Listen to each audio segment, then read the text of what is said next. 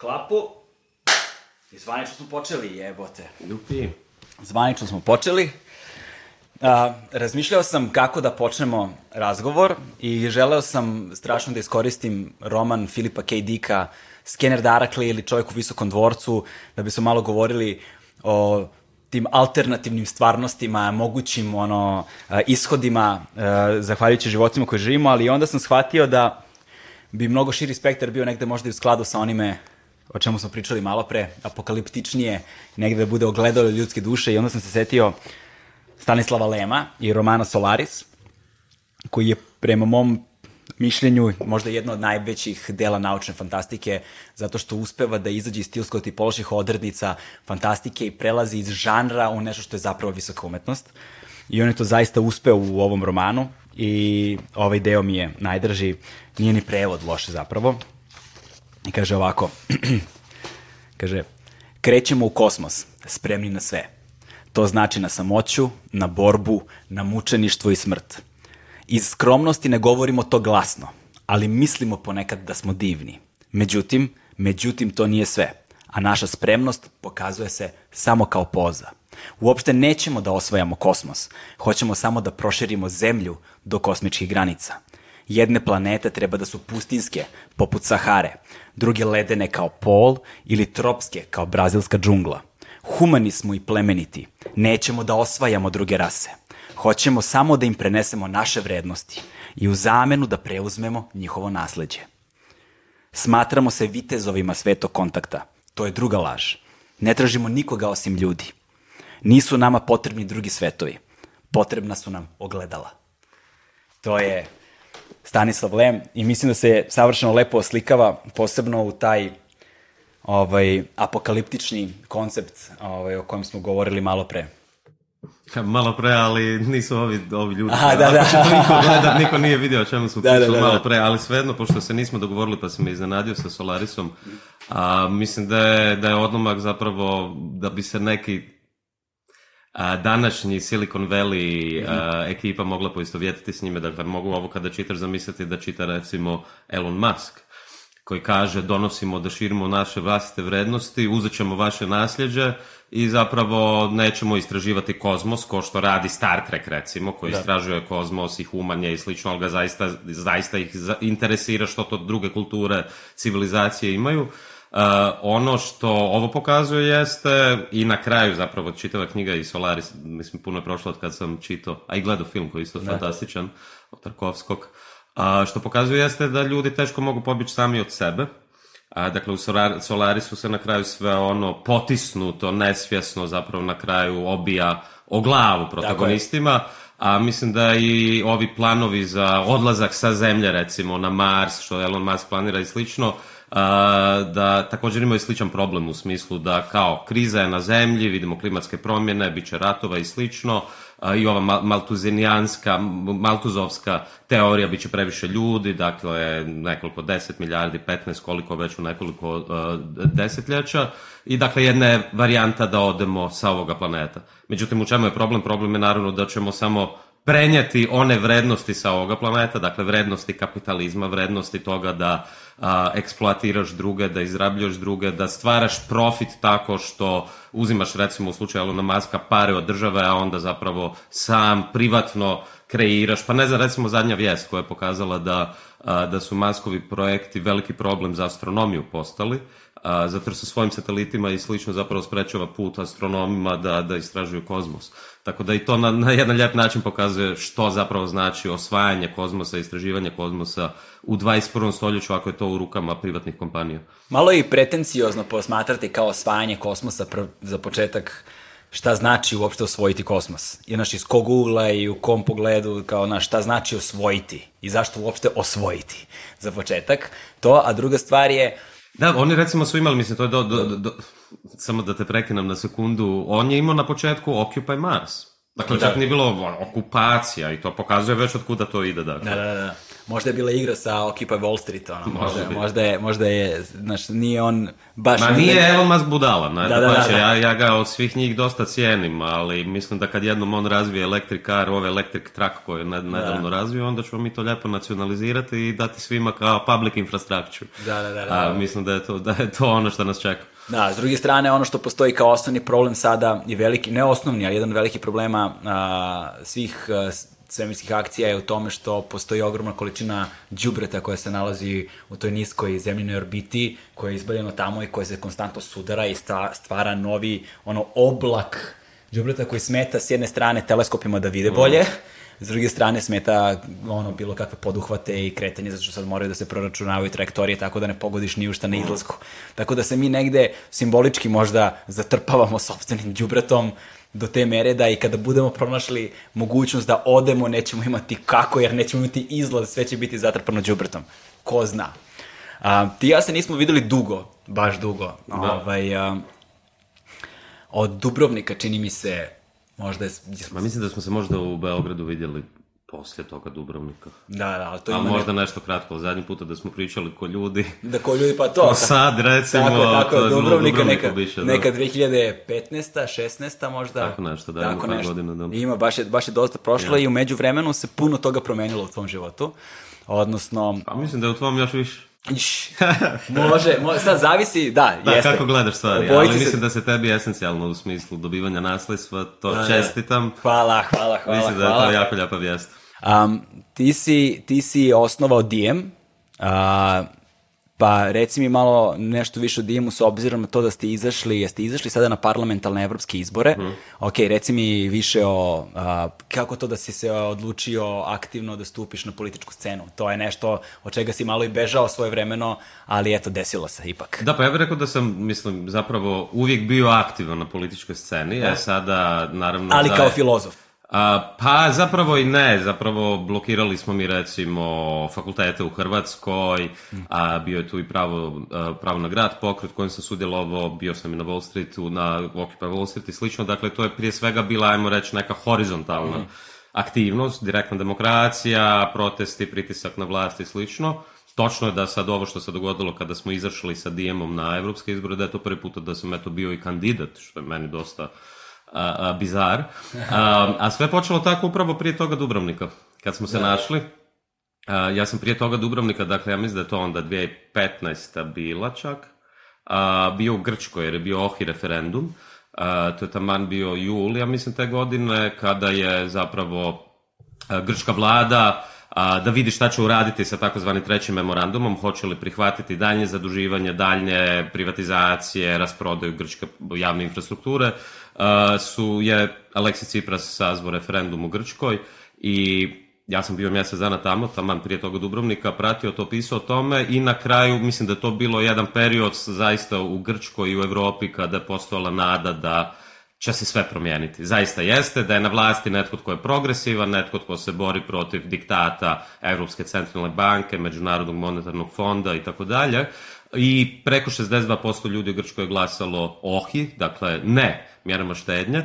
Međutim, šta se događa tu, da, mislim, jako često je to slučaj sa pokretima, ali i sa životom.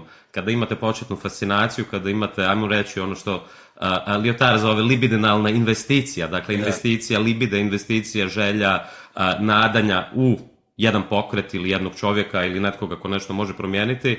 Drugi dan se budimo, svi u Grčkoj, ja među njima, i ispada da je vlada Grčka odlučila kao što je Brecht ono jednom rekao, Brecht je imao tu jednu pjesmu kada kaže vlasti se nije svidjelo kako je narod birao, pa je odlučila promeniti narod.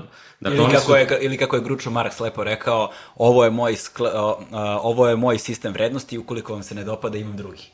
Jeste, i to je nažalost Cipras uradio. Da. A, ono a, gdje vidimo da je danas, mislim ja sam u Grčkoj često, da je na kraju, ako ljevica zakaže i ako ljevica se ponaša na način da ima sistem, kao Gručo Marks, ima sistem vrednosti, principa, ako se ne sviđa ima druge principe, a, jako često će dovesti u pravilu do toga do desna kontrarevolucija, ajmo to tako nazvati. I to vidimo sada u Grčkoj sa Mitsotakisom, to vidimo posvuda u Evropi, dakle tamo gdje ljevica ili progresivna politika nije uspjela na vlasti imamo takozvani desni a, populizam, možemo sad to nazvati drugačije. Ali desni populizam je negde dosta jak širom Evrope, generalno sveta, bez obzira na neuspele progresivne leve struje. Dakle, dešava se u Mađarskoj, dešava se u Austriji, dešava se u Francuskoj, uh, dešava se u Nemačkoj. Jeste, ali on zapravo rezultat, uh, uh, rezultat je s jedne strane, ja stvarno mislim, uh, neuspjeha, ili je neuspjeh socijaldemokrata, recimo u Njemačkoj. Rast AFD je direktno povezan sa time da na koji način je SPD zapravo pa i zeleni koji su sada dosta poznati po Njemačkoj i dobili dosta broj glasova za evropske izbore, koji su zapravo bili prvi koji su načeli reformu tržišta rada. Da. To je recimo radila takozvana ljevica. E sada kao bumerang po meni dolazi upravo to da desnica zapravo dolazi na teren i, i, i, i sve više dolazi na vlast. A, ali da se vratimo Dijemu, dakle, poslije toga mi se susrećemo u Dubrovniku, a, ja dobivam par dana nakon toga, već smo bili u kontaktu, e-mail od Janisa Varufakisa, a, da je sada došao tren, da zapravo tu cijelu borbu sa Grčke prenesemo na evropski nivo. Dakle, ono što je postalo jasno mnogima nama koji smo bili sudjelovali u tome, navijali za Sirizu, da zaista promeni stvar, pa ako treba, ne nužno da izađe van iz eurozone, nego da napravi jedan parallel, parallel payment system. A, a, I kroz taj mail zapravo počinju pisati jedan manifest koji je poslan i Čomskom i mnogima po, po Evropi, pa i Assange čitao prvu verziju još kad je mogao čitati. A, I naprosto u jednom trenu Janis i ja, ja mislim da smo na nekoj debati u, u Berlinu, i on kaže, dobro, idemo dalje, dobili smo odgovor na manifeste, sad idemo dalje i slično. Ja kažem, Janis, ali a, to nije način na koji postoji jedan manifest koji je začeo neku vrstu pokreta i znamo koji je to manifest. Da. Međutim, taj pokret je postao i prije, radnički pokret i prije manifest. Mhm. Dakle, nije manifest dovoljan da imaš pokret. I ja sam na svoju ruku blokirao a, Volksbina u Berlinu, gdje je onda par mi se iduća godina, dakle, inauguriran DM25, A, prošlo je malo više od tri godine, danas imamo oko 120.000 članova, a išli smo na evropske izbore, nismo dobili ni jedno mjesto, premda smo sve zajedno sa koalicijom, koalicijonim partnerima u Danskoj, u Francuskoj, u Portugalu a, i drugim zemljama dobili preko milijun i 400 hiljada glasova, što opet nije bilo dovoljno, ali preko milijun i 400 hiljada ljudi je podržalo naš Green New Deal, dakle jedan da. program koji je sada postao dosta poznat i Aleksandrio Ocasio-Cortez, vidimo i Labour i Corbyn i slično. Uh, I onda smo zapravo dobili još devet mjesta u grčkom parlamentu, što je dosta zanimljivo jer se pokazalo upravo ono od čega smo počeli, da nam je više nego ikad potreban internacionalizam, a, a, što je čak je, i u jednom trenu je čak i evropska ljevica od toga odustala, pa smo imali takozvanu Lexit position, Jean-Luc Mélenchon, u, u, u Velikoj Britaniji također Brexit, ali sa ljeve pozicije i slično.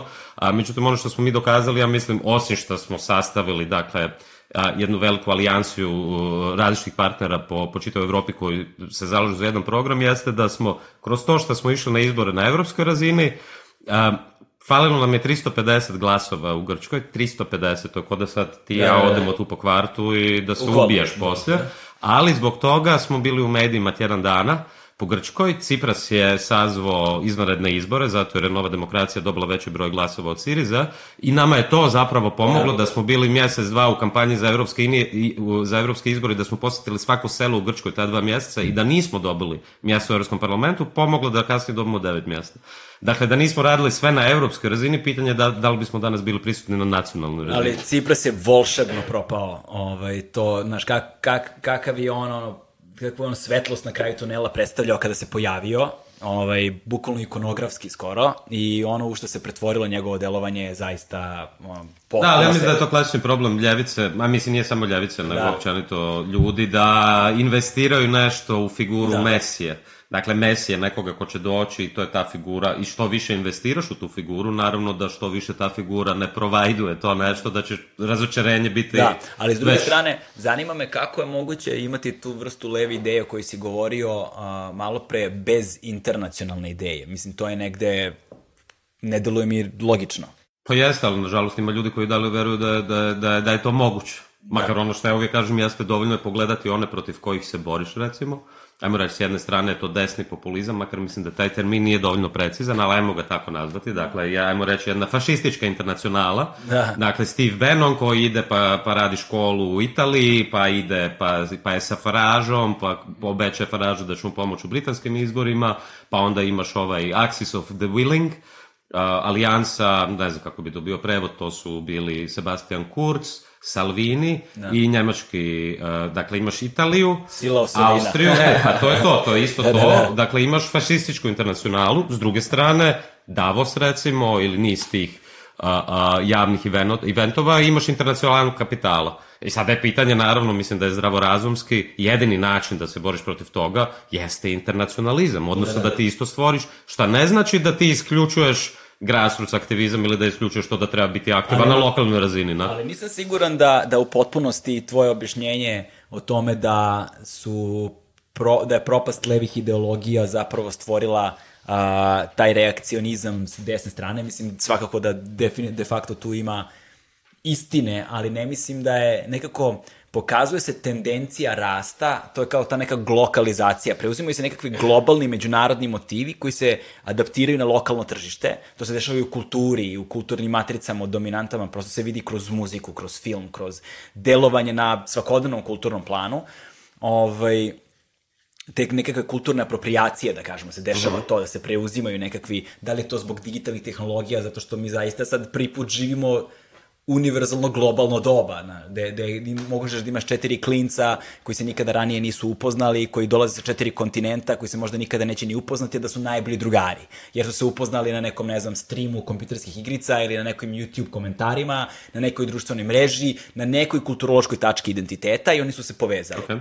I da sada imamo, recimo, situacije potpuno sumanute da klinci ko ludi u Srbiji, ne znam, gledaju Jordana Petersona, i da doživljavaju taj neki njegov sistem vrednosti emotivno, zaista, kao sad se, stoje tu u potpuno kao da postoje nekakvo odlepljivanje od realnosti. Znaš, kao sad stoje tu u Beogradu, na ulici, znaš, i svađaju se oko nekog podcasta koji su gledali sa, ne znam, američkog kontinenta ili nekog drugog i da to zaista doživljavaju emotivno. Znaš, I, da, i, da se, I da se sve te ideologije negde sada podudaraju, da prosto može da se posmatra šablonski ta matrica šta se dešava u Mađarskoj, šta se dešava ovde, šta se dešava u Hrvatskoj, šta se dešava, ne znam, u Španiji, šta se dešava u Italiji, šta se dešava u Velikoj Britaniji, u Americi, znaš, mislim, svuda se negde to dešava i kao nekako deluje strašno transparentno, ali istovremeno užasno moćno. Nije mi jasno kako se taj desni populizam stvorio, gde se on generisao, iz čega on crpi tu energiju. Da, pa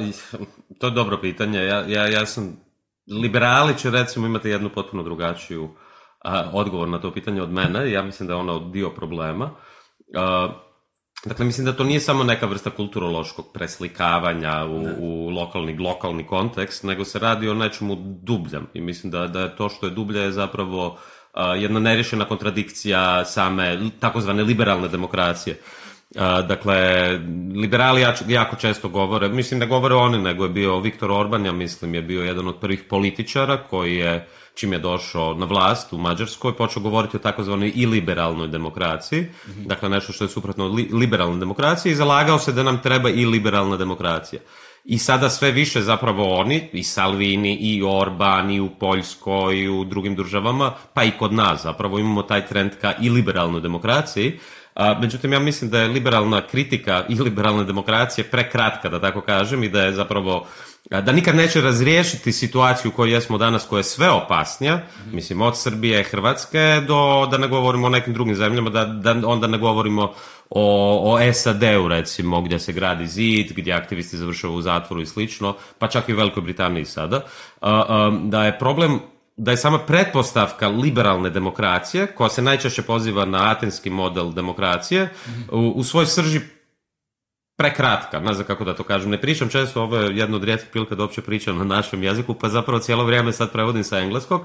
Prekratka u smislu što je atenski model demokracije bio. Atenski model demokracije je s jedne strane baziran na internoj eksploataciji i ekskluziji, a s druge strane na eksternoj eksploataciji i, i, i ekskluziji. E, konkretno, interno to znači da pravo glasa nisu imali robovi, stranci i žene da je postojala neka vrsta klanskog društva, dakle ono što sada Piketty recimo govori, inheritance capital i slično, to već ima šta da u atinskoj demokraciji, da bogatije porodice zapravo nasljeđuju kapital i političku moć, zapravo reprodukcija kapitala, reprodukcija moći, a sa druge strane imaš eksternu ekskluziju, eksploataciju u smislu da se grčki polis zasnivao na kolonizaciji različitih poleji u Maloj Aziji recimo da. i na eksploataciji i resursa i kolonizaciji i sada taj model demokracije zapravo mi jesmo naslijedili kao uzor, kao ideal naše liberalne demokracije A naša liberalna demokracija danas se zasniva upravo na tome. Dakle, da ti i dalje imaš reprodukciju moći kapitala čak na način da nekakve kraljevi i dalje postoje, da postoje monarhije recimo u Španjolskoj ili da je kraljevska obitelj i tekako relevantna recimo kao što je bila, uh, pro, uh, kao što je bila u, u Velikoj Britaniji kada, da. kada Johnson dolazi. Uh, i da imaš reprodukciju kapitala. E sada, ja mislim da liberali ne mogu razrešiti taj problem i liberalne demokracije, zato ne, uviđa, ne uviđaju da je i liberalna demokracija zapravo konsekvenca za nerješene kontradikcija liberalne demokracije. Ili da kažem konkretno, a, pa, sa, ko je financirao Viktora Orbana da studira u SAD-u? Soroš. Soroš. Soroš, Open Society. Dakle, on je bio najbolji đak takozvanog otvorenog društva koje je trebao donijeti demokratično. Ko je istjerao Soroša iz Mađarske? Pa taj isti Orban. Dakle, ja mislim da je to problem i to se vidi na niz, niz sfera, recimo slučaja Assange, eh, način na koji liberalni establishment, liberalni mediji, od Guardiana pa nadalje, na koji način su prvo kooperirali sa njima i New York Times, i Guardian, i Spiegel, i svi ostali, međuvremenu zbog takozvanog švedskog slučaja zapravo koji nikada nisu bili Chargers, nego uvijek preliminarna istraga, uh, imate jedan karakter assassination, gdje on da. sada više nije good guy, treba, treba ga otpisati javnog života ko što jesu, a sad su ga i zatvorili, gdje su upravo liberalni mediji bili ti koji su nerijetko zagovarali američke interese, zalagali se da ga se zatvori, da ga se izbaci iz ambasade i slično, premda ne uviđaju... Guardian je tu bio vodeći, čini mi se. Da. Jest, sad je promijenio malo stav u zadnje vrijeme. sam da je, su objavili neke članke, da. Da, ali, ali trebalo je devet godina. Ali da. hoću reći, upravo oni koji bi jednako tako kao Assange mogli završiti da ih se a, a, a, extradition, da ih se, kako se to Isporuče. kaže, isporučuje Ameriku ili da ih se stavi u zatvor, upravo taj liberalni establishment uh, nije branio jedno od temeljnih principala liberalne demokracije, e, da, pravo da. govora, sloboda novinarstva i slično. I mislim da je to problem zašto mi danas imamo takozvanu iliberalnu demokraciju. To je jedan od problema. Ima naravno niz drugih tehnološki jako zanimljiv recimo, da. jer ja mislim da, da se situacija Snowdenova knjiga jako zanimljiva, ove memoare koje je nedavno objavio, gdje on opisuje, mi pripadamo otprilike slično generacije, gdje on opisuje, 80, on je 83. godište, isto, da, isto kao mlađe, ja. Godina mlađe od mene. Et, da. Ali knjiga prva dva poglavlja, to je to kao da čitamo o našem odrastanju, jer otprilike bilo slično, to ono, 90-ih početkom, prije toga imaš ono, Commodore, Atari, to su stare da. generacije ne nasjećaju, igrice, ovo ono, onda dolazi ono 286, stari kompjuter i to, i prvi... Da, inter... Pentium, 586. Pentium, to je već da. daleka budućnost. Pentium 2. Da, da, ali hoću reći, šta tamo imaš, imaš onaj zvuk interneta, koji se spajaš i onda dolaziš na internet i internet je još uvijek Eh, neko vrsta nekontaminiranog, neprivatiziranog prostora gdje ti odeš na net meeting, recimo tada, i ti zaista upoznaš nekoga iz Afrike ili od ne znam kuda i postajete najbolji drugari.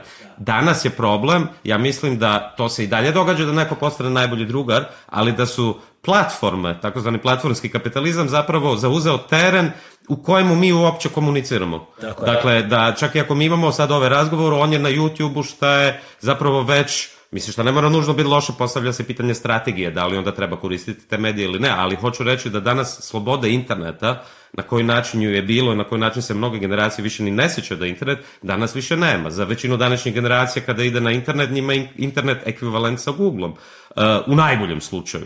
Da. U gori slučaju Facebook. Dakle, kada otvoriš kompjuter, ti prvo uđeš na Facebook i kroz njega ulaziš na internet. Dakle, internet nije to. Ako odeš na deep web ili nešto slično ili na neke druge, da nije Google ili nešto, ti vidiš da je internet ogromno područje gdje se sloboda, nažalost, rozava. A upravo ta tehnologija je, između ostaloga, kao što uvijek historijski od fašizma, nacizma i slično uloga IBM-a, recimo, u konclogorima u Njemačkoj ili uloga Forda i, i prijateljstva sa Hitlerom, tako i danas tehnologija zapravo jako često služi tome da suportuje, podržava i ne samo da podržava, nego pomaže upravo takozvanoj i liberalnoj demokraciji. Da, Facebook, sa, Cambridge Analytica. Da, sa, sa, sa, sa, Saša Baron Cohen je skoro imao nastup na kojem je rekao, ovaj, kriti, kritikovao je Facebook i rekao je da je 1930. godina Hitler bi mogao da uh, postuje reklame od 30 sekundi na Facebooku koje, u kojima bi promovisao svoje rešenje za jevrejsko pitanje.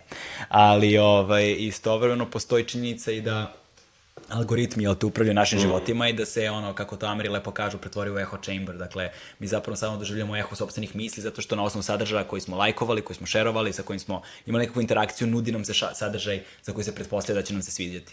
Mislim, mi se svi sećamo, ti i ja se sećamo sa kod tog ranog interneta, ono, s kraja 90 početka 2000-ih godina, koji je bio strašno spor, mm. ali i koji je imao lošu 3D grafiku, ali to su bili prve platforme na kojima smo se upoznavali sa drugim ljudima, Mirc, ICQ, pa onda se pojavio, ICQ, da, da, da, pa onda, pa onda se onda pojavili te messengeri i prvi peer-to-peer programi kada se downloadalo, kada su se pojavili MP3 formati, kada je krenuo, mm. down, kada je krenuo download, nikad nisi bio do kraja siguran šta je to što downloaduješ, ali je to izbiđenje. Ali si bar imam sloboda da downloaduješ, danas je da. taj, to je isto srozano, cijelo to područje, recimo u Njemačkoj je nemoguće downloadati više, dođe da. policija na vrata, bukvalno, a i ovi ovaj kim, ovaj kim.com ili kako da, da se već da, da, zove, njih sve traže da stave u zatvor jer su skreirali platforme koje su omogućavali to. Da. Dakle, imaš privatizaciju interneta i ovo što si ti rekao, algoritam koji zapravo već unaprijed na neki način, ja mislim da je to problem za demokraciju kao takvu, predprogramira Da. Šta ćeš ti uopće misliti i za koga ćeš glasati? Mislim, da. ovo što je Facebook Cambridge Analytica uradio zapravo zajedno i u slučaju Trumpa i u Brexitu je upravo to. Dakle, harvesting a, a, milijuna i milijuna profila na Facebooku, a, mapiranje ljudi koji su recimo swing voters, dakle, ni vamo ni tamo, granični slučaj, granični slučaj, ako ga malo više izlažeš nekakvoj propagandi, radiš ono što Chomsky je klasično nazvao manufacturing consent, dakle, proizvodiš pristanak na nešto i onda oni glasuju za Trump ili Brexit. To je naravno opet još jedna od sfera, bilo i različitih drugih razloga, ali pokazuje se da mainstream klasični mediji nemaju više. To može biti i dobro, ne mora da. biti loše, da nemaju više tu moć koju su nekoć imali ali je problem da su i ovi mediji koje to, većina ljudi dalje smatra slobodnima, Facebook, Twitter, mislim ne znam ko, e, ko još to smatra slobodnim nakon a, što se dogodilo i kada smo videli Zuckerberga i Evropski parlament i Aleksandrija okazio cortez na koji način e, ga e, je zapravo ispitivala, a, ali dalje postoji percepcija da su ti mediji relativno slobodni, premda oni da, da rade propagandu ako imaš više para, više reklama i slično. Da, jasno. Da. Čekaj sekund. Da, evo tu smo na, sada stisnemo ovaj. Da. Znači 25 znači, smo odradili. Da. Ništa pa okay, sad onda... Rekord sam uključio. Mm.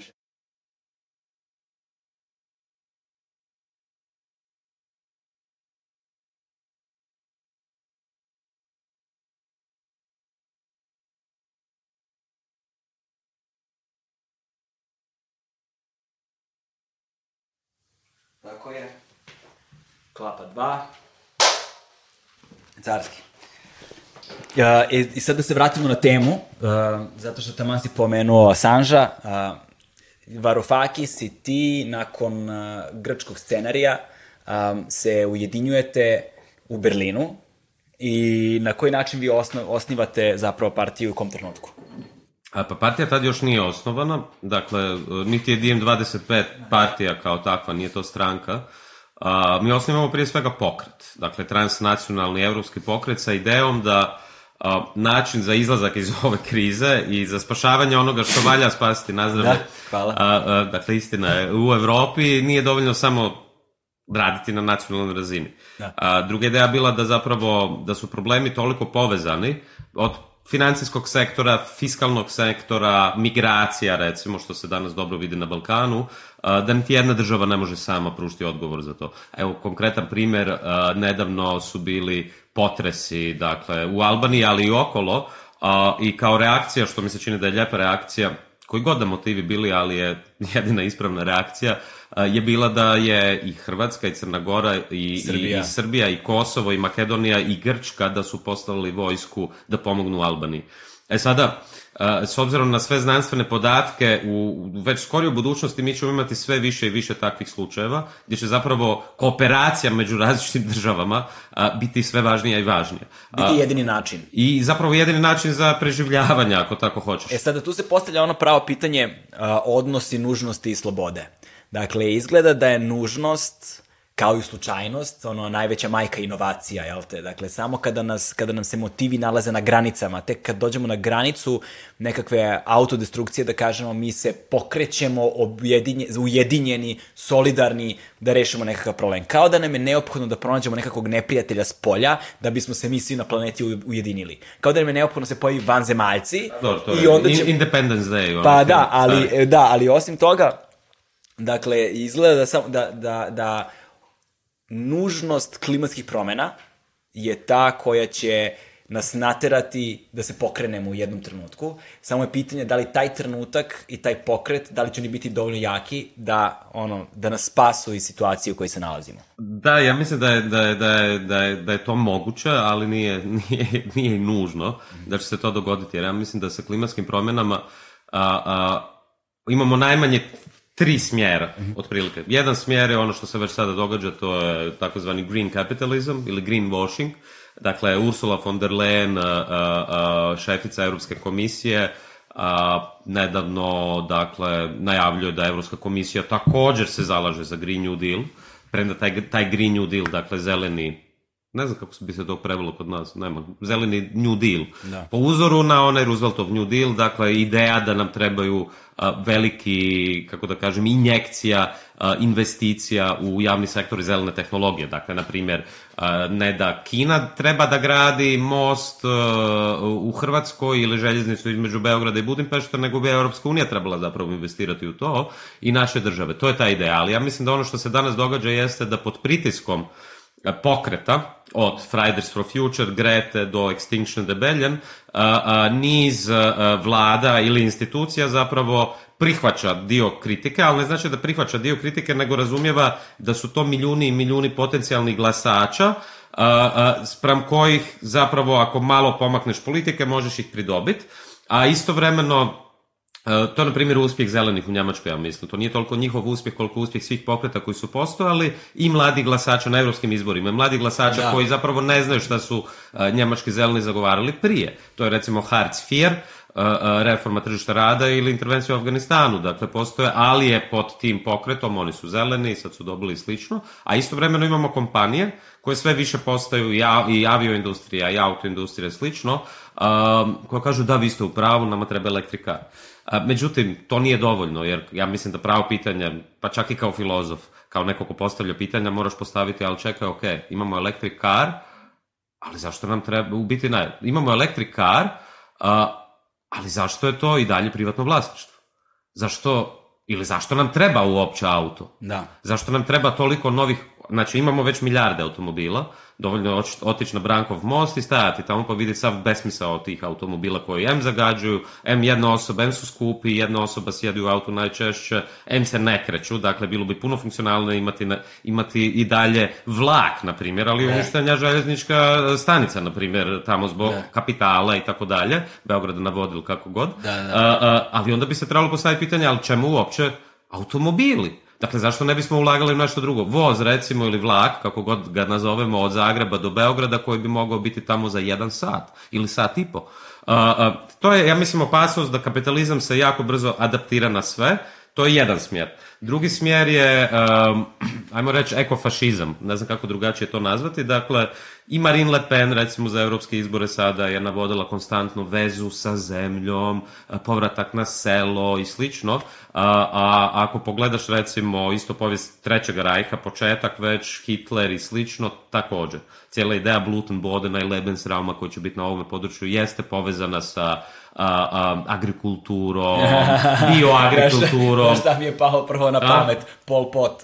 pa jeste, to je...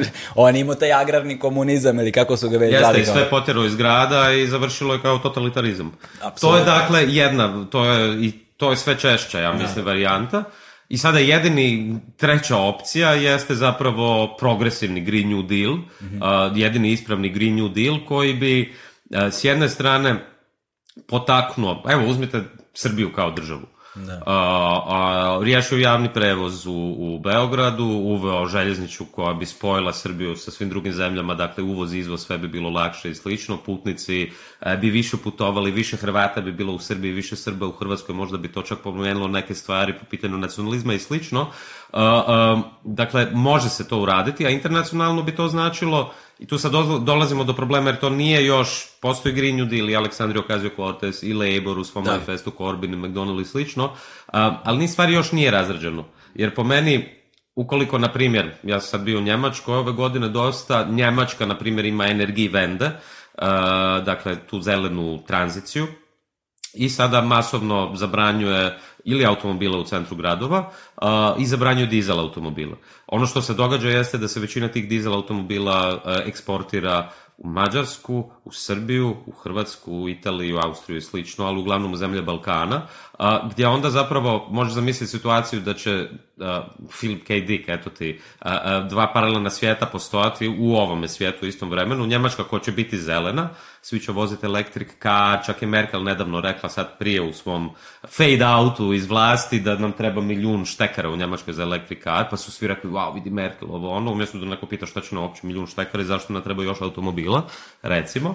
A, a, a izvozit će istovremeno te automobile na Balkan gdje sada već A, mislim da je Mađarska među prvima na svijetu što se tiče air pollution i premature deaths. Da, dakle, na, govorim na njemačkom... zagađenje, njemačkom, zagađe, zagađenje vazduha, mada Beograd je da. bio najzagađeniji grad na svijetu. Yes. Skoro... Ali to nije vezano nužno uz dizel, to je vezano uz uh, industriju, da. Uh, gdje, ja mislim, ovaj dio Balkana zapravo postoji, čak je bio neki članak, ja mislim, Financial Times ili tako nešto, koji govori da postoji dalje Iron Curtain, železna zavjesa između zapadna Evropa i istočna Evropa. Kako ne? I, a ono što je problem sa Evropskom unijom danas jeste da se ta, ta velika razlika i šta se tiče kvalitete života i šta se tiče zraka i ekologije i slično, se samo povećava, jer Evropa umjesto da, da, da shvati da Eh, je jedini odgovor internacionalni paneuropski zeleni, zelena tranzicija i dalje radi to da se njemačka zelena tranzicija odvija na leđima periferije. Ili uzmemo tako, bio je nedavno... Periferije misliš na ekonomsku eh, periferiju? ekonomsku periferiju, takozvani pigs, svinja, kako su nazivali Portugal, Irska, Španjolska, Grčka, Srbija, da. Hrvatska i slično.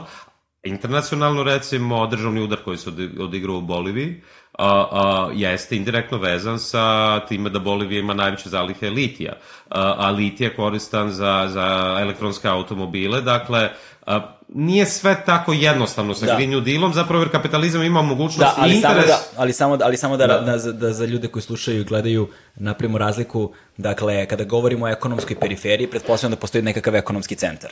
I kada govorimo o tome, mi zapravo prvenstveno mislimo na zemlje krupnog kapitala, koje su zemlje ekonomskog centra i e, zemlje koje nemaju taj kapital, koje na tržištu mogu da budu konkurenta svojim radom, a ne proizvodima i izvozom, jel te? To je takozvana ekonomska periferija, ukoliko se dobro razume. I da Jeste, ali ima dodatno, ja mislim da te zemlje dalje imaju resursa, da. A, a, dakle, osim onih resursa koji su doba tranzicije, u našem slučaju već da. otišli ča, kako da. bi rekli u Dalmaciji, a, telekomunikacije, pošte, banke i slično, dakle, Hrvatska, ništa to više nije u rukama Hrvatske, nego njemačke telekomunikacije, banke su francuske, pa, talijanske putevi autoput, Lidl recimo koji sada došao u Srbiji. Dakle, jako slični procesi se odvijaju da. vamo i tamo.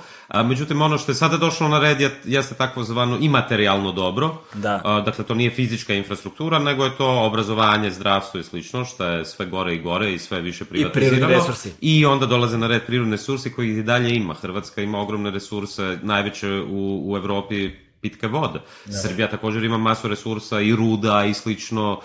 Dakle, nije, tranzicija nažalost nikada nije završila, niti će ikad završiti dok se zadnji resurs ne iskopa. A to se najčešće radi u zemljama periferija. A još smo mi dobro i prošli u sve ove strahote koje smo jesmo prošli na ovim prostorima, ako to usporediš sa recimo Afrikom gdje se nekoliko stotina godina zapravo radi o tome. Prvo si, a, a, a, imaš ono što David Harvey, jedan teoretičar, naziva ek, logikom ekstraktivizma, logikom istrpljivanja u smislu da ekstraktuješ prvo radnu snagu, sve te robove koji su, koji su iskorišteni kao radna snaga, onda prirodne resurse i danas imamo isto. Dakle, Kongo recimo, je zemlja koja je dalje u građanskom ratu zato jer postoji kopanje da. svih resursa da bismo mi danas imali ovaj mikrofon ili kompjuter ili, dakle. ili, ili, ili A da ne govorimo o tome da je kroz istoriju ono, svaki kvadratni centimetar Belgije izgrađen na krvlju tih crnaca u Kongu za vreme kralja Leopolda. Ono. Da. I da su oni bili među poslednjima u Evropi koji su zapravo ovaj, promenili ono, svoju politiku prema... Oni su 50-ih još nedela kod Brisela imali, ja mislim da 50-ih, e, ljudski, ljudski zoološki vrt. Tako je, da. da. dakle, da. gdje su izlagali crnce kao, eto, primjer ovo Da, da. Mislim, o da. čemu da. mi govorimo, ali hoću reći, to se danas, nažalost, nastavlja. Da. Uh, uh, da.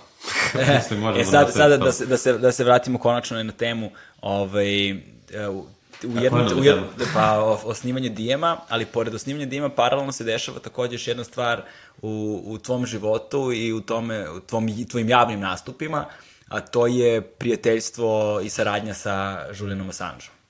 I sada baš me zanima kako si stupio u kontakt sa Assangeom. Pa to da ću ti broj od CIA, pa, pa njih pitaj. A čuo sam i da ste prisluškivali. A, jeste, pa mislim i dalje to rade, samo... pozdrav, pozdrav za Ciju. Pozdrav za Ciju. Da. A, pa jeste to, nažalost, posljedica...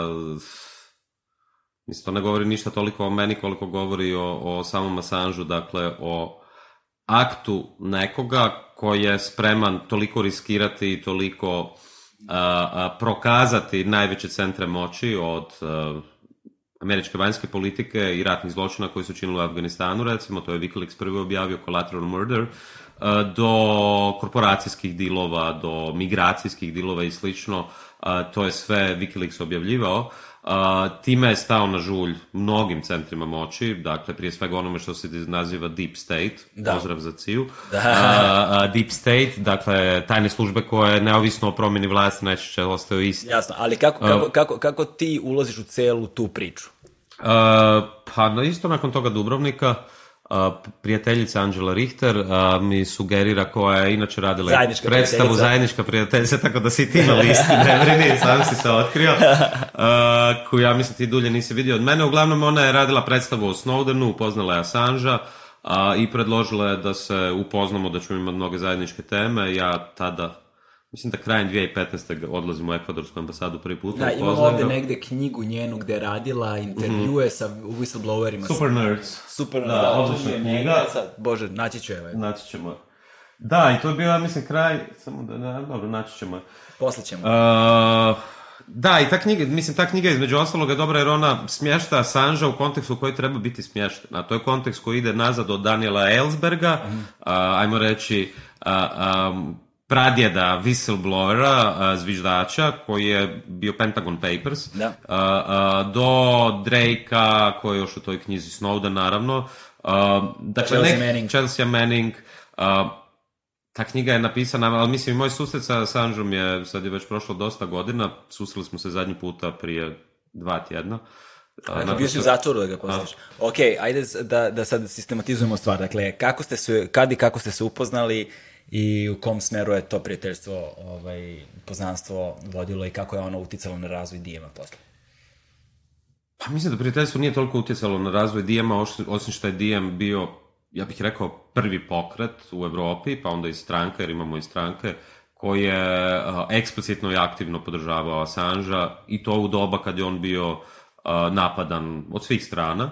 A, međutim, mi smo čito vrijeme od samog početka govorili da se ovdje ne radi samo o njemu, nego se radi o principu. Ako će Assange biti izručen u Ameriku, što garantira da recimo Kina, nedavno su objavljeni u Americi, New York Times je objavio da Kina tamo uz granicu uh, ima koncentracijske logore.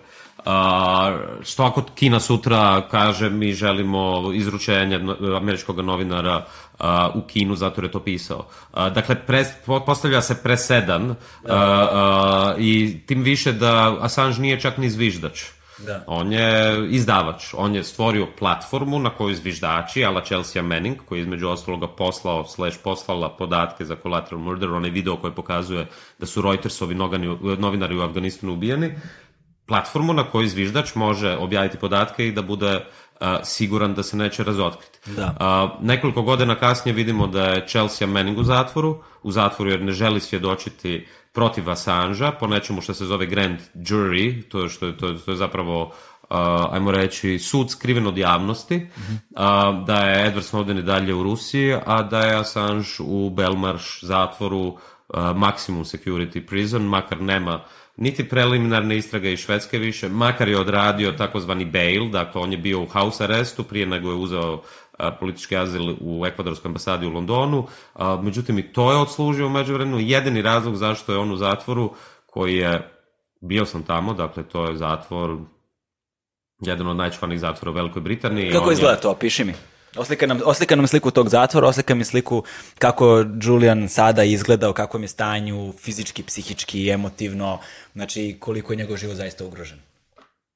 Pa prije svega njegov život zaista jeste ugrožen. Uh, ja ga nisam vidio, ajmo reći, godinu dana, zadnji put u ambasadi i sad ponovo u zatvoru. A, uh, zatvor je negdje na periferiji Londona, to je ogromna zgrada gdje prođeš jedan ček, Uh, jednu proveru, pa drugu proveru, pa ostaviš sve stvari, pa ulaziš unutra, pa opet ulaziš u nešto, pa si u velikoj čekonici sa svim drugim obiteljima koji čekaju uh, posjetu uh, well, onima koji su u zatvoru. Prije nego prođeš da dođeš kod njih, prolaziš jedan dio gdje je policajac sa, sa psom, a, i ovdje ide neka mama sa malim djetetom i tu je taj pas koji čeka i slično. Dakle, izgleda onako kako čovjek to zamišlja, ulaziš u prostoriju, a prostorija je potpuno surveilled, e, dakle kamere su tu, što mi opet nije ništa novo jer se pokazalo da je CIA i CIA a, a, a preko jedne španjolske firme zapravo imala nadzor nad svime što se događalo u ekvadorskoj ambasadi. Uh, što možete reći, naravno, neko ko nije upoznat sa slučajem, pa dobro, pa to je CIA, pa to ste mogli znati, uh, ali problem je u tome, više struke problem, problem je u tome da prisluškuješ nekoga, dakle, da je država koja je dala politički azil, Dakle, to je presedan u međunarodnom pravu, u diplomaciji, koja je dala politički azil uh, Assange konkretno da se sakrije u ekvadorskoj ambasadi, da ne bude izrečen u SAD, je tome SAD-u koji bi trebao biti izrečen i gdje ga čeka 175, 175 godina za špionažu i slično, a, a, daje mogućnost španjolskoj firmi da CIA zapravo ima pristup na server svih snimki svega što se događa. Prvo, to je skandal diplomatski, ja mislim, a, dakle, dovodi u pitanje sam smisao političkog azila, A drugi problem je da su, osim mene i slično, što me nije baš mnogo briga, a, jer smo mi često imali razgovore o svemu i svačemu, dakle nismo radili ništa konspirativno, barem na koliko ja znam, si ja da. će znat bolje, ali da su bili prisluškivani novinari i odvjetnici. A pošto je on sumnjao da će biti prisluškivani, oni su odlazili na ženski WC da imaju razgovore, što su povjerljivi razgovori između klijenta i, i advokata, a međutim WC je ispod požarnog aparata, iza je takođe bila bubica za prisluškivanje.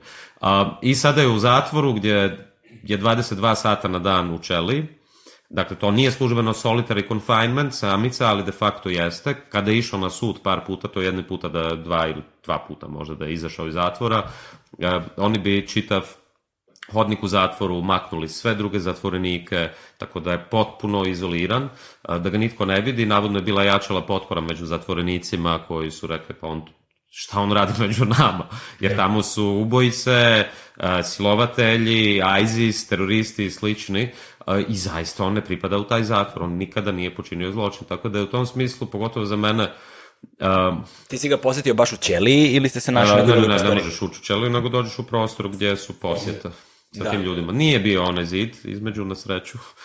Sedeli ste za stolom ovako kao ti A, pa manje više, da. Tako nekako, ali čuvar ide tu konstantno, ovdje je ogromna kamera i to ona koja ima 360, ovdje je kamera, ovdje je kamera, ovdje su valjda vjerojatno sve bubice i slično. I on na taj način treba pripremiti nešto što je po meni, ajmo reći, najveći, uh, najveći case, slučaj uh, obrane slobode novinarstva i slobode riječi, ako to hoćeš, liberalni koncept u 21. stoljeću. To je najveći događaj po meni koji će biti veliki presedan u onu tim uvjetima u čeli gdje nema uvjeti za rad, nema pristup svojim dokumentima i slično. Jako rijetko sretne ljude. Bio navodno među, međuvremenu kasnije sad dobio neki kompjuter koji također nije dovoljan za obranu, kad je izbačen iz, Evropske ambasade, iz ekvadorske ambasade, Ekvadorija je sve njegove stvari, dakle dva manuskripta, a, bilješke One Piece, on je inače jako puno razmišljao o tehnologiji i slično, stvarno je jedan od najinteligentnijih koji je ono programer i svača šta radi. A, do svih legalnih dokumenta Ekvador je to dao, isporučio SAD-u. Dakle, na kojoj god razini taj slučaj gledaš, toliko je kršenja i međunarodnog prava, i običnog prava, i, I ljudskog prava, i ljudskog prava, ljudskih, bazičnih humanističkih načela, a, da je to skandal. Ali ono što je dobro jeste da ja mislim malo je vremena, jako je malo vremena, samo do februara, 25. februara kreće extradition hearing u Londonu. Između ostalog se pokazalo da je sutkinja koja vodi slučaj također upletena, da je Wikileaks nekoliko godina prije objavio a, a, neke ugovore vojne industrije gdje se između ostaloga može povući trag do njenog muža i njenog sina. Dakle, na svim razinama taj slučaj toliko je a, kontaminiran po različitim političkim interesima da da se zapravo više ni ne radi o pravnom slučaju. Da. A nikada možda nije ni bio, nego je to politički slučaj, on je politički zatvorenik.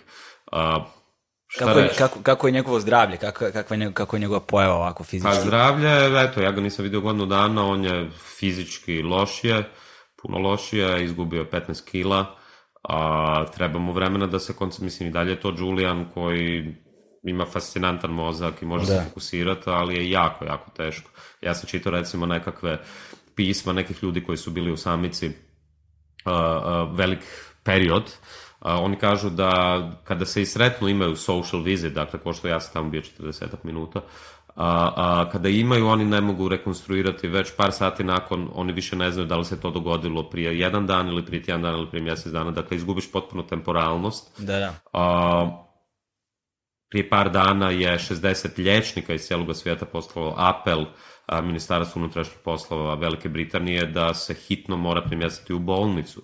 Ne. Mislim, on jeste sada na bolničkom odjelu Belmarš zatvora, ali da treba koji su, koji su zdravstveni problemi, osim očiglednog nedostatka vjerojatno vitamina D koji dobija suncem ili ne znam šta sve, da. ono što je očigledno na prvu loptu, koje još na zdravstvene probleme? Pa, prije svega, mislim, sad ne znam koliko o svim stvarima mogu pričati, ali pričat ću onima koji su javne, uh, uh, onog što ja znam. Prije svega to jeste nedostatka vitamina D, jer je on de facto ova sada prostorija uh, pa možda malo veće od takve prostorije bio 7, 7 godina. Uh, još je ta zgrada, to je London, pa su sve to viktorijanske, ovako dugačke vertikalne zgrade, sunce uopće nije dolaze unutra, zrak je katastrofa.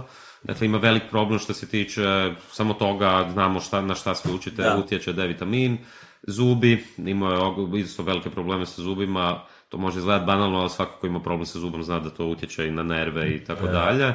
Rame, Rame već nekoliko godina ima ozbiljan problem, a ono što je najveći problem sada jeste, kao što je rekao Nils Milzer, a, a, a, on je special reporter od UN-a, Ujedinjenih nacija, koji je išao u zatvor odmah u maju da napravi svoje neutralno, objektivno mišljenje e, za UN, on je rekao da se zapravo radi o psihološkom mučenju. I mislim da je to najgore, da on nije samo izgurnut fizičkim uvjetima koji su grozni, koje nije zaslužio, nego da se zapravo radi o psihološkom mučenju koje je već bilo teško. Zamislite kada vam netko 9 godina ljepi etiketu da ste silovatelj, što god da vi kažete, makar je on bio spreman da. otići u Švedsku i makar je primao švedsku istražiteljicu da. u Ekvadorovskoj ambasadi, međutim ona nikad nije došla. Zamislite to, zamislite sve etikete koje su mu ljepili, da se ne možete vidjeti, ne možete pristupiti pristupiti vlastitoj obitelji, onima i djecu a, a, i da se sada nalazi u zatvoru gdje zapravo nema pristup niti da vidi druge zatvorenike, niti ima dovoljno, niti ima medicinsku njegu. Dakle, radi se zaista o nečemu što se može nazvati mučenjem, namjernim mučenjem i možda čak i sporim ubijanjem. Carski. 8 sekundi pred kraj. Čekaj sad ovdje stop. Ovako, stisnem ja stop.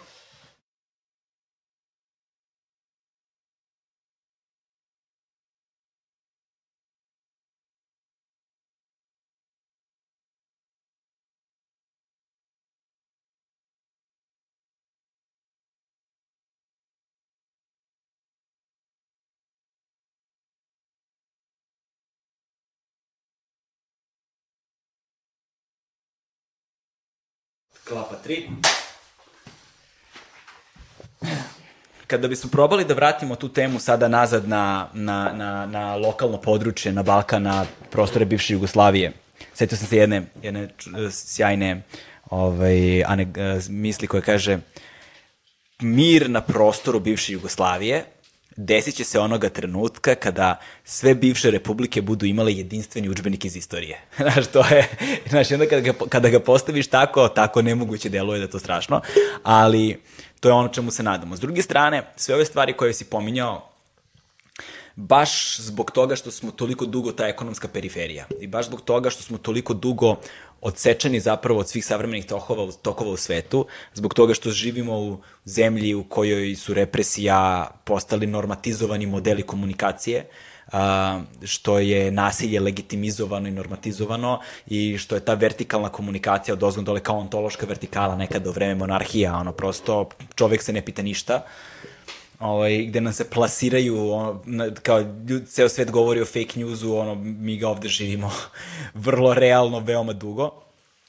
Sve ove priče koje si ti pričao, postoji ta, ta disocijativna tačka kao da da veliki deo naših ljudi ovde to ne doživljava kao nešto važno. Ja sam radio za međunarodne kompanije u životu i onda, na primjer, kada, kada su posle piti, jel, pratite Brexit, ili, ili, ili, ili jednom, jednom je to bilo pitanje. To je bilo, recimo, jedno pitanje i neko je dao odgovor da li je neke kolega iz Rumunije bio ili tako nešto, ali je bilo vrlo simptomatično, smešno, ali, da, ali kao da nije žalosno, bilo bi smešno zapravo. A, pitali su nas nešto, zašto se vi ne bavite, ne znam, uzbiljnije klimatskim promenama? A on je rekao, pa zato što imamo prave probleme. Znaš, e sada, kako se taj jaz, taj, ta disocijativnost, ta, ta udaljenost, ta daleka tačka gde su nam Edward Snowden, Julian Assange, u perspektivi čoveka sa ovih prostora je nešto što je kao nekakav hollywoodski scenario. Mm. Ne nešto što doživljavaš intimno i lično. Ne nešto kroz čije primere se ti plašiš za sobstvenu praksu. Ne nešto gde, a, kao što je, to sam slušao govor od Jacoba Applebama iz, a, i, koji je tada radio u Toru, jel to toj mreži an, Anonimity Networku, a, rekao morate da prestanete da nas nazivate internet aktivistima, moramo da postanemo novinari i da mm. idemo pod iste zakone i da idemo pod istu formu pravno-formalnu zaštitu da nas tretirate na isti način, da ne mogu tek tako da ih optužuju za na ekti i slične mhm. stvari koje se dešavaju na međunarodnom planu. A s druge strane mi ovde imamo stvarnost gde imamo ubistva novinara koji su ubijeni pre 20 i više godina koji nisu rasvetljena, gde imamo pokušaj da se spali, ubije novinar tako što mu se zapalila kuća i on u toj kući umalo. A, imamo, a, imamo, imamo represiju i ono pritiske privatne, političke, društvene sa svih strana, gde je novinarstvo kao tako praktično uguš, ugušeno. Novinarstvo se na mnogim nivoima u, mnogim slučajevima, posebno u Srbiji i u okolnim zemljama, nalazi vrlo verovatno na najnižim granama od kako postoji kao profesija. I sada kako konsolidovati te dve stvari? Kako taj globalni narativ o kojem mm. upravo govoriš, koji je veliki i važan, uklopiti sa onime što se dešava na lokalnom podneblju? pa prije svega mislim da treb, ne treba uvijek biti toliko oštra sprem nas, makar sam da, ja uvijek najoštriji sprem, ajmo reći, našeg, a, jer me se možda najviše tiče, najviše me frustrira i naj, najviše me žalosti isto. Da. A, međutim, evo svaki puta kada ja dođem u London a, ili u Veliku Britaniju, ako misliš da ovdje pričaju samo o našim problemima i da ih se ne tiču globalne teme, a tamo se već zadnje tri godine isključivo priča o Brexitu. A, a, a čak i prije toga zapravo nikada nije postojala svijest da postoji a, a, a, svijet van toga otoka. Jednako kao što u Njemačkoj ili u Francuskoj su također dosta zatvorena društva u smislu nekih tema. A da ne govorimo o tome da se i u tim društvima događa a, a, da se novinar uspali auto da. ili da se na Malti brutalno ubije novinarka ili da se ili da se novinar u Turskoj recimo raskomada kao nekakav uh, hollywoodski horor na komade iznese iz ambasade. Dakle uh, um, nije baš situacija takva da smo mi najgori da se kod nas sve to dešava, a, a da je vani na urađenom zapadu bolje. Mislim, to je također jedan liberalni mit koji postoje od 90-ih, mi ćemo sada konačno doći u takozvani dobri kapitalizam, da. zapadni kapitalizam i onda će sve biti u redu. A, bojim se da neće, tamo također postoji niz tih problema. A, a, naravno da je, da je pitanja iz anegdote koje se spomenuo, dakle kako da se mi bavimo klimatskim promjenama ako imamo ove probleme tu, a, a, ključno pitanje, jer se mi sa tim pitanjem susrećemo i na europskoj razini, dakle, uh, uh, čitava ta priča oko klimatskih promjena, što nije priča, to su znanstvene činjenice, naravno da ne dopire do nekog broja, do velikog broja ljudi bih ja čak rekao, uh, sad da li je to radnička klasa ili je to prekarijat ili nešto treće, to sad podložno raspravi i definicijama, ali ne dopire do velikog broja ljudi koji jesu žrtve toga, i to je najveći problem, dakle, uh, da upravo oni koji su Da. Žrtve su osuđeni koristiti, na primjer, dizel automobila i zagađivati više. Ili upravo oni koji su žrtve razvoja, neravnomjernog razvoja, razvoja toga da se, ajmo reći, zapad, zapadni svijet, pod navodnicima, više i brže razvio, zato jer je stoljećima zapravo bazirao svoj progres na, na, na tome da se zapravo Afrika i treći svijet ne može razviti ili da se periferija ne može razviti, da se zapad razvijao, a, a, danas se ta situacija nastavlja. A, način na kojim ljudima to pokazati, ja mislim, Postoji nekoliko načina, ja mislim da i u Srbiji jača zapravo, vidio sam da su postali i srednjoškolci koji su štrajkali. A, također ne mislim da je točno, ako postoji i jedna zemlja na Balkanu gdje postoji podrška a, a, iza Snowdena i za Sanža, to je upravo u Srbiji, kada recimo a, a, i na Balkanu, puno pozitivnije se piše o Assange na Balkanu nego skoro u bilo kojoj drugoj zemlji.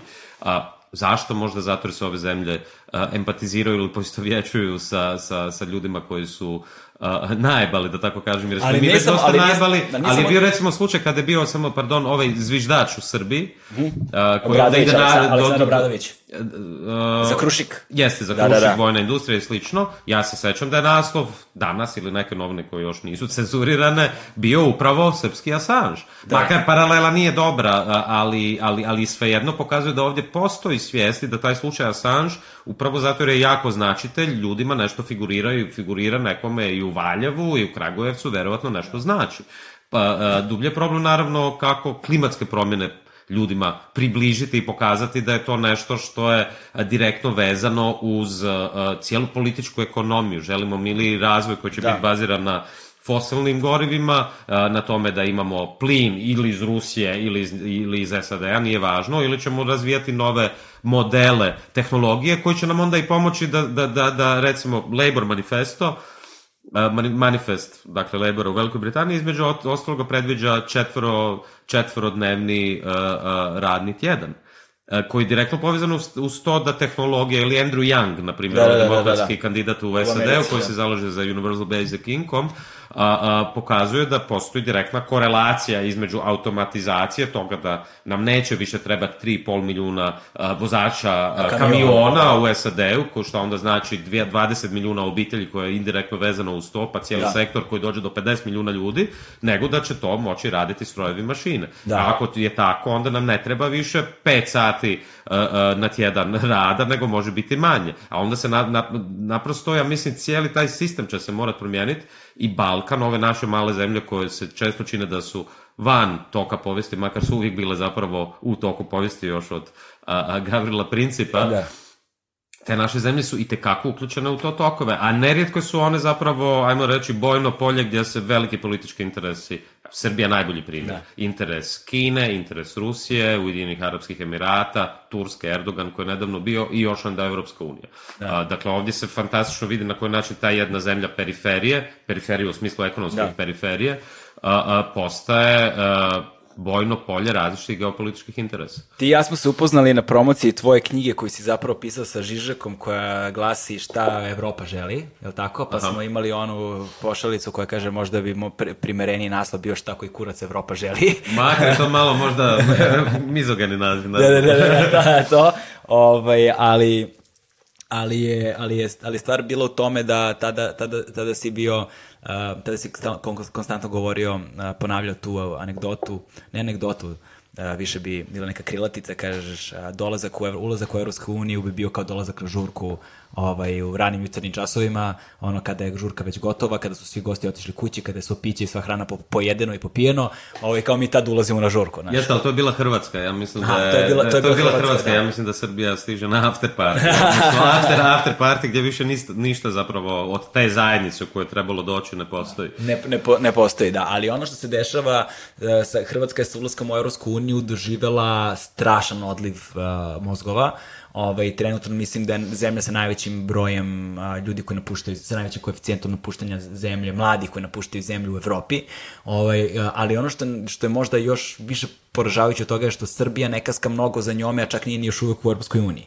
1.1.2020. godina Evrop, Nemačka ukida radne vize za određene strukovne oblasti, posebno u, medicinskim, u medicini, za ljude iz Srbije, što znači ovde klinci već godinama unazad sa indeksom medicinskog fakulteta automatski upisuju nemački jezik. Dakle, postoji ono a priorno osjećanje. Rađeno je neko istraživanje koje sam skoro čitao, gde 60 i nešto procenata mladih ne vidi svoju budućnost ovde. S druge strane, um, e, način na koji to menja demografiju, način na koji to menja naše ono, buduće prilike i način na koji to menja našu ekonomiju istovremeno, jer a, Nemci sada ne moraju da ulažu ogromna sredstva u, finansi, u, u obrazovanje svojih kadrova kroz godine, kada mogu da dobiju na gotovo već obrazovan kadar koji je ovde država i dolazi do te velike destabilizacije koja ne znam, ne znam pra, pro, prosto šta bi moglo da bude rešenje u tom, u tom slučaju. Ali istovremeno se uh, a, dešava i to isto istraživanje pokazalo da taj sada, kako ih nazivaju, like generacija, Gen Z, dot com kids i tako dalje, je prva zapravo zaista prava globalna a, jedna prva globalna generacija koja je, na primjer, klimatske promene doživljava duboko lično. Klimatske promene su tačka, jedna od ključnih tačaka njihovog, formiranja njihovog identiteta. I tu Greta Thunberg zapravo pokazuje taj to žarište, taj potencijal za promenu, gde taj taj talas koji je ona izazvala odjeknuo svuda među srednjoškolcima mahom. I to su ono neke svetle tačke koje pokazuju da postoji nekakva nada i da će ta neka nova generacija zapravo doneti jedan globalni talas promena kakav smo potencijalno videli 68. Da, makar se nadam da neće završiti ko 68. Da, da, da, da, da, to. Isti... Jer je, to bismo mogli satima pričati o tome kako je završilo 68. Ali se slažem sa ovim, uh, uh, Ajmo ovako reći, i ti i ja smo neku političku subjektivaciju, ajmo to tako reći, subjek, imaš običnu subjektivaciju, makar je svaka subjektivacija zapravo već politička, čak i unutar porodice ili familije. A, ali mi smo recimo prvu političku subjektivaciju imali recimo kada smo bili tineđeri kroz glazbu, underground scenu. Ne. Meni je to bio punk hardcore, sviranje u bendu, putovanje s 15-16 godina, vegetarijanstvo, čitanje bakunjina, ideš u Osijek, sviraš, prašiš na kamionu u Izoli u Sloveniji, sviraš negdje drugdje, ideš na koncerte od Crisisa da, da. i slično i kroz to se zapravo onda dijeliš fanzine, pišeš, prevodiš, slično, a klinac imaš 15-16 godina i kroz to se politički subjektiviraš. Da, dakle, ovo su moji principi, ako vam se ne sviđaju, to jesu moji principi i borit ću se za njih i dalje, za razliku od Gruća, onoga citata Gruća Marksa. I ali to je i dalje bio, ajmo reći, neka margina margine to društvo, da. a, a, ali meni osobno, sve što radim danas, da nije bilo toga pitanja da li bi radio danas. Dakle, od a, koncepta kolektivno, kolektivne organizacije, šerovanja, dijeljenja sa ljudima, a, do borbe protiv sistema, A, ono što ovaj pokret klinaca, dakle Greta ima 16 godina, jednako kao što sam ja imao kad sam svirao u hardcore punk bendu i provodio Kropotkina a, sa prijateljem koji je danas kardiolog a, da. a, i koji i dalje ide po svim koncertima. I, Jel u Nemačkoj kardiolog? A, nije, on je ostao, on je ostao kod nas u Hrvatskoj, makar se jako često pita zašto je ostao, ostao jer su radni uvjeti jako teški, isto kao što je sad sa školskim sistemom, protesti su bili nedavno, tako i sa zdravstvenim, jako loš. I to jeste problem ovo što ste prije rekao, da masa ljudi koji su hipereducirani, dobri doktori, dobri učitelji, se pitaju pa zašto da ja ostanem u ove zemlje ako imam plaću od 700, 800 ili 1000 eura, radni uvjeti su katastrofa, šikaniraju nas, a, zašto ne bi naprosto otišao i problem jeste da ti ljudi odlaze i da mi sada dolazimo u jedan science fiction scenariju koji više nije science fiction, a, a Hrvatska svako ljeto naslovnice u novinama Uh, trebaju nam ili dolaze Kinezi, Pakistanci, radna snaga, zato jer u Hrvatskoj niko više ne želi raditi za te pare i odlaze van. Uh, dakle, imat ćemo ono potpuno kao što je Slavonija ili Vojvodina, prazna sela, prazni gradovi, uh, mladi ljudi otišli, starija generacija i ostali samo oni koji su ili morali ostati ili koji su već zauzeli pozicije moći. Ono gdje postoji nada jeste da se vrati na tu političku subjektivaciju hardcore punk, ako hoćeš. Yeah. Da a, jeste da su svi ti klinci od 12 do 14, 15, 16, 17, pa i starije koji su povezani uz klimatske protesta, to je bilo u, recimo, pri par meseci 7 milijuna, 7 miliona ljudi u jednom danu u cijelom svijetu. A, a, dakle, sve više ljudi, da će oni se kroz to politički subjektivira, da će oni, kako smo mi rekli, a, ove ovaj sluša hardcore ili punk, pa ćemo mi sad biti prijatelji, pa ćemo dijeliti nešto, pa ćemo doći do Naomi Klein ili zašto treba biti vegan, whatever, uh, a, a, ili zašto ne treba glasati za ove budale na vlasti, zašto je problem dublji, a ne samo ovi na vlasti, nego i sistemski strukturalni. Mislim da će masa, a mi smo se mogli samo okrenuti ka tim nekim kako se to zove u sociologiji, subkulturama, da, da, da. a oni više nisu subkultura. A, a, ne samo da nisu subkultura, nego Greta a, a, je i u, u e, UN-u komunicira sa vodećim a, protagonistima svjetske politike i slično, dakle to nije nikakva subkultura, niti je to margina, a većina tih klinaca koji dođu prvi puta na protest, prvi puta kada dođeš na koncert ili na protest, to jeste već čin političke subjektivacije, će se politički subjektivirati i postaće neki klinci ljudi koji naravno možda za 2-3 godine završe kao 68-aši, dakle krenuće u komodifikaciju svega, pa i seksa i edukacije i subverzije, dakle samo će to na neki način pretvoriti u lifestyle, ali dobar dio njih će studirati, e, možda završiti na nekim pozicijama u nekim institucijama, možda pokrenuti ili dalje se baviti grassroots aktivizmom, dakle svakako Sad, pitanja da li je to da, prekasno. Cilj je, cilj je dakle da, zapravo da subkultura postane mainstream bez komodifikacije. Eto, možda, recimo, možda tako nekako. Da. Recimo, recimo tako nešto. I ajde polako da... Ovaj... Naravno, ovisi koja subkultura postoji, fašistička pa. subkultura. Koja je da, sada da, da, mainstream, da, već. pa, o, ozbiljan mainstream. Naš, I, on... Znači. I također, komodificirana, ako uzmeš podcaste, recimo, da, ove desne u Americi i slično, to je sve i tekako komodificirano u smislu da je lifestyle, da je to postalo cool. Ono, da, da, da, izuze, izuzetno cool i ono što je najgore od svega što ta perfidnost... Uh, mi ovde imamo, mislim, neverovatno samo mi ovde, govorimo ovde za na, mm. o nama, postoji problem te istorije sećanja. Uh, i načina na koji se ona revidira. Evo, baš ti ja sad dok sedimo, dešava se da su ukinuli ono, ulicu Stjepana Filipovića, znaš, da su stavili ono, fut, futbalera za koga se ispostavilo da je bio Ustaša i to usred Beograda, znaš, tako da Ovaj, I da, da, dolazi, da taj istorijski revizionizam nam zapravo vrlo dolazi glave, jer smo osuđeni to da ponavljamo greške iz prošlosti, to ne tako davne prošlosti, znaš, kao, to je unutar jednog životnog veka, da je to sećanje dalje živo među ljudima koji su bili svedoci tog vremena.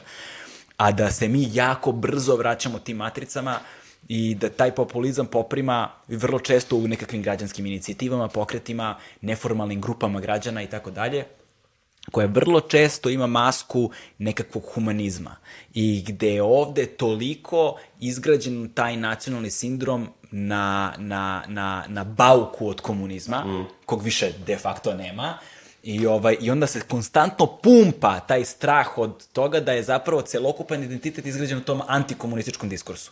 I onda zbog toga što ne postoji pa ni fiktivno skoro uopšte ovaj, levica na ovim prostorima, onda se elementi levice instrumentalizuju kroz desne frakcije i onda se solidarnost prodaje nekakav, naš, ideja internacionale kroz nacionalizam, mm. kako god to paradoksalno zvučalo, ali zapravo jeste tako. Da, I onda na tim internet platformama sebi slične pronalaze u, u, u zemljama ono sa kojima ti do juče imali bil sukob, oni se pronalaze, ispočitavaju te iste nekakve vrednosti sisteme i dolazimo do nekakvih tačaka identiteta koju sebi spajaju oprečno, koju sebi spajaju nespojevo. Da, na primer, imaš nacionaliste repere, mm.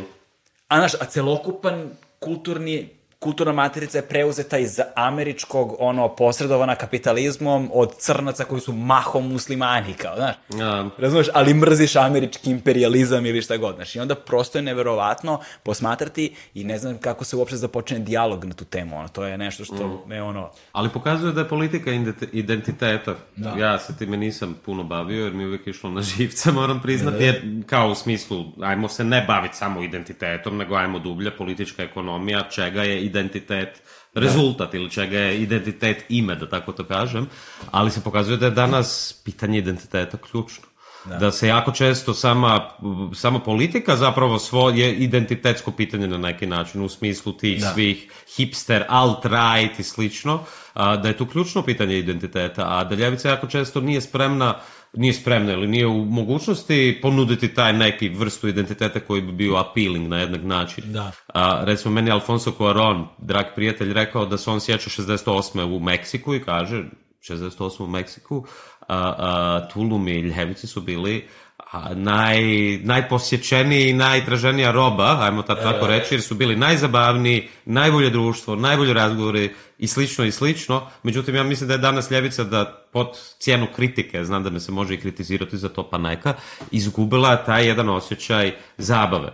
Ali da. ne zabave u površnom smislu, mi sad treba svi da se zabavimo i slično, nego toga da ako ti odeš bilo gdje u neki klub ili neku malu skupinu ili organizaciju u Beogradu, Zagrebu gdje se okupljaju i dalje antifašisti, pametni ljudi koji rade na politikama, javnim politikama i slično, ti ćeš vidjeti da se oni jako dobro zabavljaju nakon tih sastanaka i slično, da, da. ali da se jako, i, i da je to jeste sastavni dio politike. Sastavni da, da. dio politike jeste da se neko sa nekime napije, da se neko a, a, a, zabavi ili zaljubi i slično i ne treba da. se toga sramiti. Da. Ali kako to prenijeti na nivo društva, na nivo toga da zapravo te ideje ponovo postanu atraktivne. Zašto uvijek kada je ljevi protest se pjeva Bela Ćao? Mislim, meni je Bela Ćao predivna pjesma, ali gdje su nove pjesme, da se da, recimo, da. Ne, gdje su te novi identifikacijski da, da. A, a, kopča, da tako kažem, za koje se možemo zakačiti, za koje ćemo dobiti nekakav internacionalni identitet. Mislim, to se polako mijenja, ja mislim, evo recimo, Um, sa, sva euforija oko Aleksandrija Ocasio Cortez, demokrata u Americi i slično, jeste i u nekim drugim dijelovima svijeta proizvela a, a, neku identifikaciju sa time i da je moguće da neko ko ima 28 ili 30 ne samo da je moguće, nego i poželjno da se ubaci u političku arenu. Makar ja. znamo da nije sve u političkoj areni, da nam treba i ono izvan toga, ali da mladi ljudi trebaju u nekom trenu preuzeti odgovornost, a ne e, do 40. ići na seminare i citirati treću fusnotu e, Kautskog, recimo, i prepirate da. se oko toga. To je ono što ljudi ne razumeju, dakle, zahtev za zabavom apsolutno nije banalna stvar, s jedne strane, i druge dve stvari, to sam isto teo da pomenem, jeste da su nada i empatija zapravo alati koji se koriste i koji su neophodni da bi se stvorila nekakva kritična masa. Jasno, što se samo da se ubacim ovo za zabavu, da sad opet da ne budemo krivo svačani, uloga koju je Stormzy, na primjer, da. u, u, u Velikoj Britaniji odigrao za, za, za Labour. Dakle, Stormzy koji je jako poznat, e, šta je on, rap izvođač, je jel? E, Grime.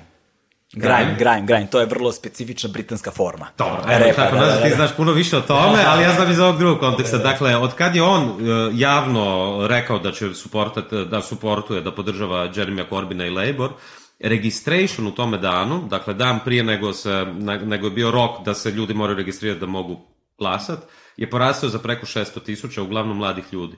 Dakle, u tome smislu zabava, u smislu, ajde, šta je sa muzičkom industrijom, da, na koji način recimo Messi je tek prije nekoliko dana također objavio na koji način se oni planiraju uhvatiti u koštac sa klimatskim promjenama. Pa kažu, mi smo band koji je godinama i godinama i decenijama a, a, imao turneje po svijetu, naravno da to ostavlja veliki carbon footprint, dakle fosilni otisak ili kako bi se već prevelo kod nas, i da planiraju ili da već menjaju na neki način, ako ne moraju putovati a, avionom, a to je šest sati vlakom, da idu vlakom. Da. I takve neke stvari, dakle postoji velika uloga i muzička industrija i, i, i, i, i Hollywooda ako hoćeš, šta je naravno entertainment i zabava, koji ne mora nužno biti reakcionaran, niti nužno mora biti samo da se okreće kapital, nego može imati progresivnu ulogu. O tome govorim. Da. I ti ljudi jesu nužno uh, uh, saveznice i trebaju biti saveznici jer dopiru do još većeg broja ljudi. Da. Uh, to je ono, re, sećam se ti i ja smo razgovarali o tome, ovaj, jednom prilikom, isto davno bilo, mislim da je bilo tam, baš negde tamo u vreme kada se desio ne Charlie Hebdo, nego je bio Bataclan a, na, koncert, na koncertu mhm. a, ovaj, a, na, na koncertu kada je bio je teroristički napad Uh, tada je ceo svet na društvenim mrežama svoje profilne fotografije uh, stavio zastavu Francuske. A, dva dana kasnije, nepuna dva dana kasnije, desio se Boko Haram. Na, desio se Boko Haram, nikakve reakcije javnosti nije bilo. I onda smo pričali o tome da um, empatija se nije desila zato što se, zato što se nije desila tačka identifikacije. Nema empatije bez identifikacije. I šta god da je to što mi proizvodimo, šta god da je to čime se mi bavimo, šta god da je to što mi komuniciramo, mi moramo da pronađemo tačku identifikacije sa ljudima kojima se obraćamo. Jer samo kroz nju možemo da stvorimo empatiju. Kroz empatiju možemo da stvorimo nadu. Znači, ljudi moraju da se vezuju za nešto, tako da kultura tu igra jednu od ključnih uloga. Igra veliku ulogu, evo primjer za to je ako je ovo že svi bio, da, da, svi, svi da. Uh, tada, primjer je recimo iz ove godine 2019. poslednje, uh, Notre Dame, da. na primjer, gdje recimo New York Times objavljuje članak koji kaže e, pa ovoga požar u Notre Dame je proizveo slamanje Heartbreak across the world. Da. Što je već notorna laž.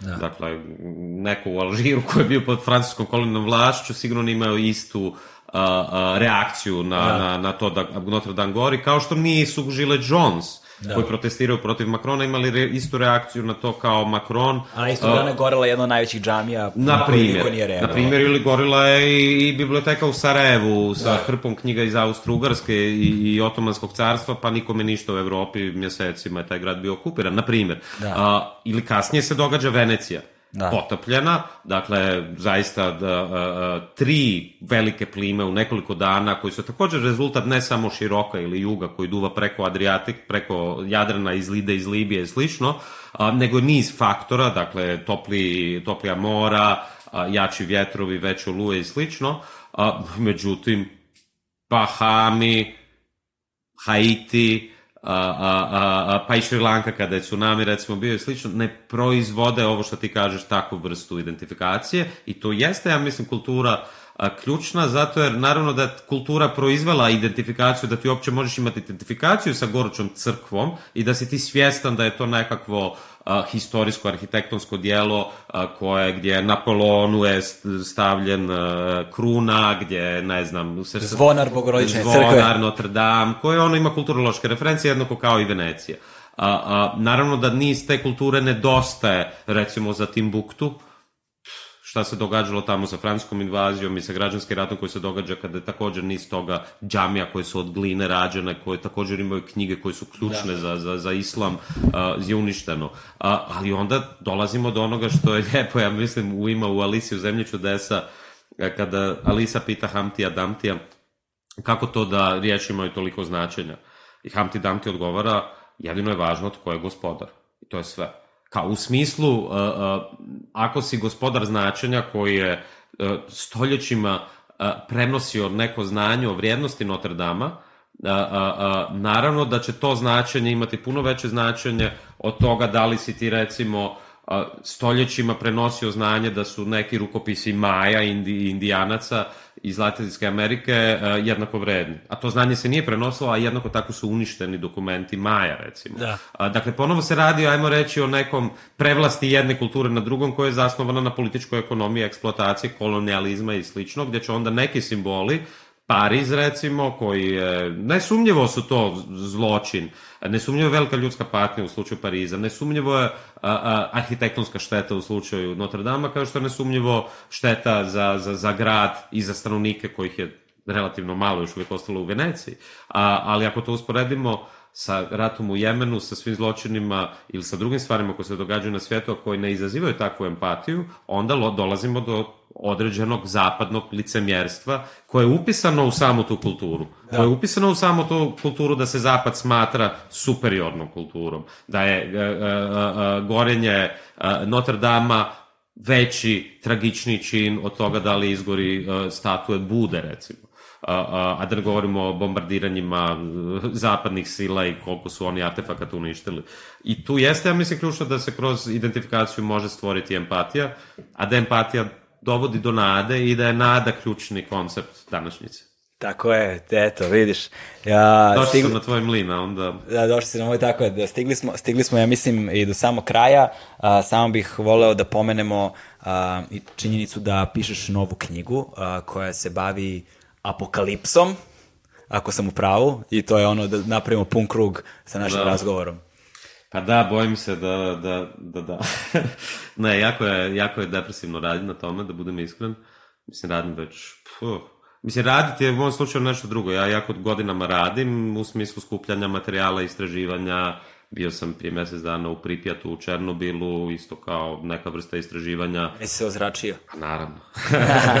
ne, mislim, makar je radijacija je puno manja nego, nego evo, iza tebe je ovaj avion. Da. Kad bi taj avion letio od tamo do one druge zastave koja je iza tebe, a to je zastava Somalije, a koliko je sati recimo do Somalije? Leta? Da. da. Nemam, da, nemam predstavu. E, ali ajmo reći interkonti avion, e, interkontinentalni let, 10 sati e, bi imao 25 mikrosevjera, to je ta jedna mjera koja određuje e, radioaktivnost. E, ja sam u Černobilu nakon cijelog dana imao 2,5. Dakle, jedan sat uh, uh, interkontinentalnog leta otprilike radijacija.